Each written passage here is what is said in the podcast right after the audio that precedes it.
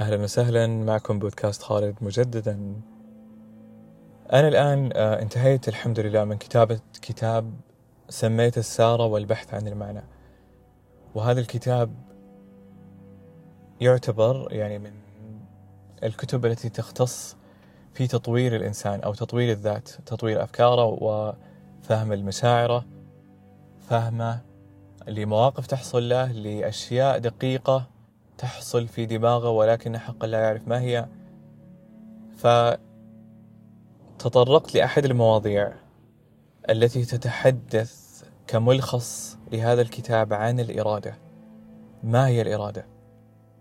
كيف تساعدنا الإرادة أنه نوصل لمراحل ونرتقي في مستوى الوعي وليست فقط الإرادة المصطلح الفضفاض الذي معناه أنت لا يوجد لديك إرادة أو أنت إرادتك ضعيفة أو يعني وضعت عليها الكثير من الأمور التي ليس لها علاقة فيه. فلما نأخذ المنظور الإرادة من منظور شوبنهاور فقال إنها تسكننا لا تسكن العالم السفلي أو السماء المرصعة بالنجوم. فالروح التي تحيا بداخلنا تصنع كل هذا. أيضا باروخ سبينوزا من أهم فلاسفة القرن السابع عشر. لما تحدث عن عبودية الإنسان في كتاب مشاعر أو علم الأخلاق عفوا. فقال إنه أسمي عجز الإنسان عن كبح انفعالاته والتحكم فيها عبودية. والإنسان الذي تقهر الانفعالات لا يكون ولي نفسه بقدر ما يحضر لسلطان القدر. حتى أنه يجد نفسه غالبا مجبرا أنه يقوم بالأسوأ على الرغم من أنه يرى الأفضل. فالإرادة هي أقوى ما يمتلكها الإنسان فهي البوصلة اللي توجه حياتكم وأنها نفس القدرة على أنك تكون يعني تتخذ قرارات والقرارات هذه كلها تخليك ترتقي في مستوى الوعي. أو أنه ما ترجع لعادة أو إدمان أو سلوك أو علاقة عاطفية انتهت وعلمت في تلك اللحظة أنها سيئة أو تؤدي بك إلى يعني تدني في الوعي. ف مثلا ريني ديكارت لما عرف الإرادة قال إن الإرادة هي حرية الاختبار أو سوري حرية الاختيار إنه تقبل الأمر أو إنه ترفضه. وبعض الفلاسفة عرفوا الإرادة بأنها قوة الإنسان الداخلية في الاستمرار أنه يخضع لمشاعره أو يتركها ويخرج منها. لكن من وظائف الإرادة هي الفعل الإرادي أو التحكم الغريزي والسيطرة على رغباتنا الغريزية وعدم ارتكابنا لرغبات داخلية تكون فاسدة من منظور المجتمع أو الدين أو الإنسان. لكن وجهة نظر أوريسون سويت ماردن في كتابه قوة الإرادة قال قوة الإرادة سر النجاح والنجاح غاية الوجود. أما فريدريك نيتشه الفيلسوف الألماني الذي كان لأعماله أثر عميق في الفكر الغربي الحديث. والفلسفة أيضا الغربية كانت الإرادة محورية في فلسفته ووصف قوة الإرادة بأنها قوة غير عقلانية. يعني نيتشه لما تطرق لموضوع الإرادة قال إنها قوة يعني أبدا هي الموجهة عفوا للعقل والموجهة للجسد والموجهة لكل شيء فهي أقوى من العقل أقوى من المشاعر. فقال أيضا إنها موجودة بكل فرد وعند استخدام هذه القوة والسيطرة عليها يمكن أن نصل لأعلى مرحلة في الذات الداخلية. فنيتشه يرى أنه, أنه الإرادة مختلفة أو مخالفة للعقل فهي غريزة لا يمكن وصفها. إنها مثلا غريزة سيئة أو إنها غريزة جيدة. ف لما نتحدث عن أيضا الخوف يعني الكثير يعتقد إنه الخوف غريزي فقط ولا يعلم أن الخوف أيضا مصطنع.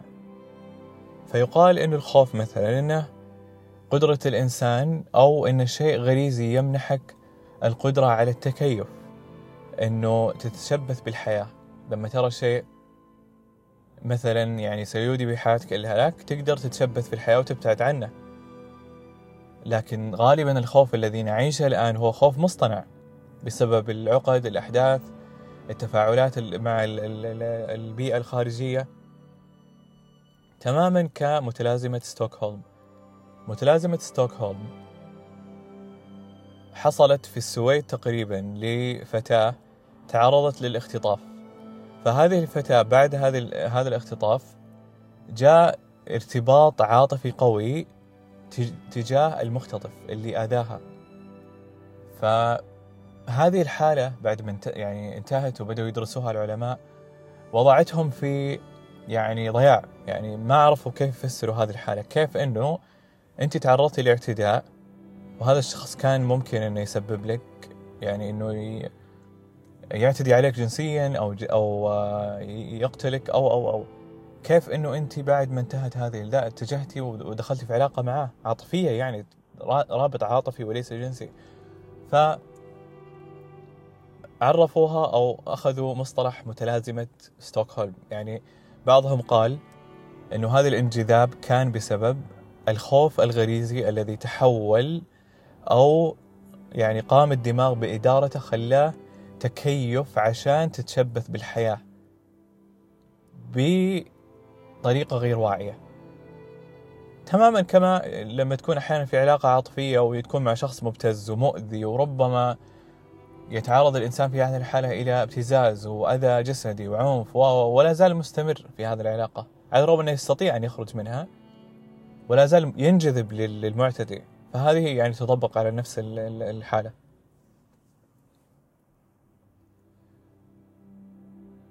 أمس كنت في أحد الأماكن اللي التقيت فيها بشخص من من دولة مختلفة أعتقد من جنوب أفريقيا. هذا الشخص تحدثت معاه للمرة الأولى فكان يطلب مني يعني الأشياء إنه لو سمحت أنا أعتذر يعني يستخدم مصطلحات لامستني وبقوة. فبدأت في التفكير في هذه المصطلحات التي يستخدمها. فبدأت أتحدث مع نفسي. يعني لو إن الإنسان خاطب نفسه بهذا النوع من التعامل واللغة واتجه اتجاه جميل تجاه نفسه كيف سيكون انعكاس هذا الأمر على حياته؟ نحن دائما ننتقد أنفسنا ونعيش ثلاث أزمنة مختلفة في آن واحد وهذا هو سبب المشاعر السلبية. ربما بعضكم الآن وهو يستمع لي لديه مشاعر عائمة تطفو من غير حدث أو انفعال. ولكن عندما يبدأ بالبحث عن جذور هذه المشاعر ويغوص في الأحداث يجد أن مر بخذلان أو مر بمشاكل في طفولته تنمر لم يرضى عن شكله يعني يرى دائما أن الشخص أقل من غيره بسبب أشياء حصلت في طفولته أو بسبب ترقبه للمستقبل بلهفة ويعتقد أن يجب أن ينجز بشكل مبالغ فيه عشان يرضى عن نفسه. فهذا النوع من الانتقاد لما نجي نفكر بمنظور فلسفي إنه الجسد الذي أهدي لك هو ليس أنت. ولما نتكلم على ألكسندر بوماغارتن مؤسس علم الجمال ويعتبر أول من وضع الجمال في العلوم الإنسانية وأطلق عليه هذا المصطلح. يعني علم الجمال علم واسع وفضفاض ولا يمكن لأي أحد أن يأتي ويقول عنك أنك شخص جميل أو لست جميل. جسدك مترهل جسدك أنت شخص مكت... وزنك زائد أو لديك آه، يعني حبوب في الوجه أو شعرك ليس جميل أو أو أو بغض النظر. علم الجمال لا يمكن لأي أحد أن يأتي ويقول من رأسه خلاص أنه أنت شخص قبيح أو جميل لأن لا يوجد لا يوجد قبح في هذا العالم. الإنسان بحواسه يبدأ في النظر لبعض الأمور التي من منظوره الضيق ومن حواسه الضيقة أن هذا الشيء قبيح. والله هذا الشيء جميل. فأنت شخص جميل جدا. أنت شخص يعني كل ما صار لك أو أصابك كله دلالة على أنك شخص مختلف والاختلاف دائما يأتي بالجمال. أيضا لما نفكر من منظور ذاتي يعني أنت هذه الحواس وهذا الجسد وكل الأمور التي تحصل لك التفاعلات عملك وغيره وغيره لم أنت يعني أنت لم تكن حر تماما لتختار كل شيء. وليس ذلك بمعنى أنها بذلك السوء ولكن أنت تراها من منظور ضيق. فالإنسان وضع في خم وضع ووضع معه في جسده المادي خمس حواس ضيقة أفكار مخزنة محدودة إذا لم ترتفع في نسبة الوعي. لن تراها من جانب آخر ستراها من جانبك الضيق.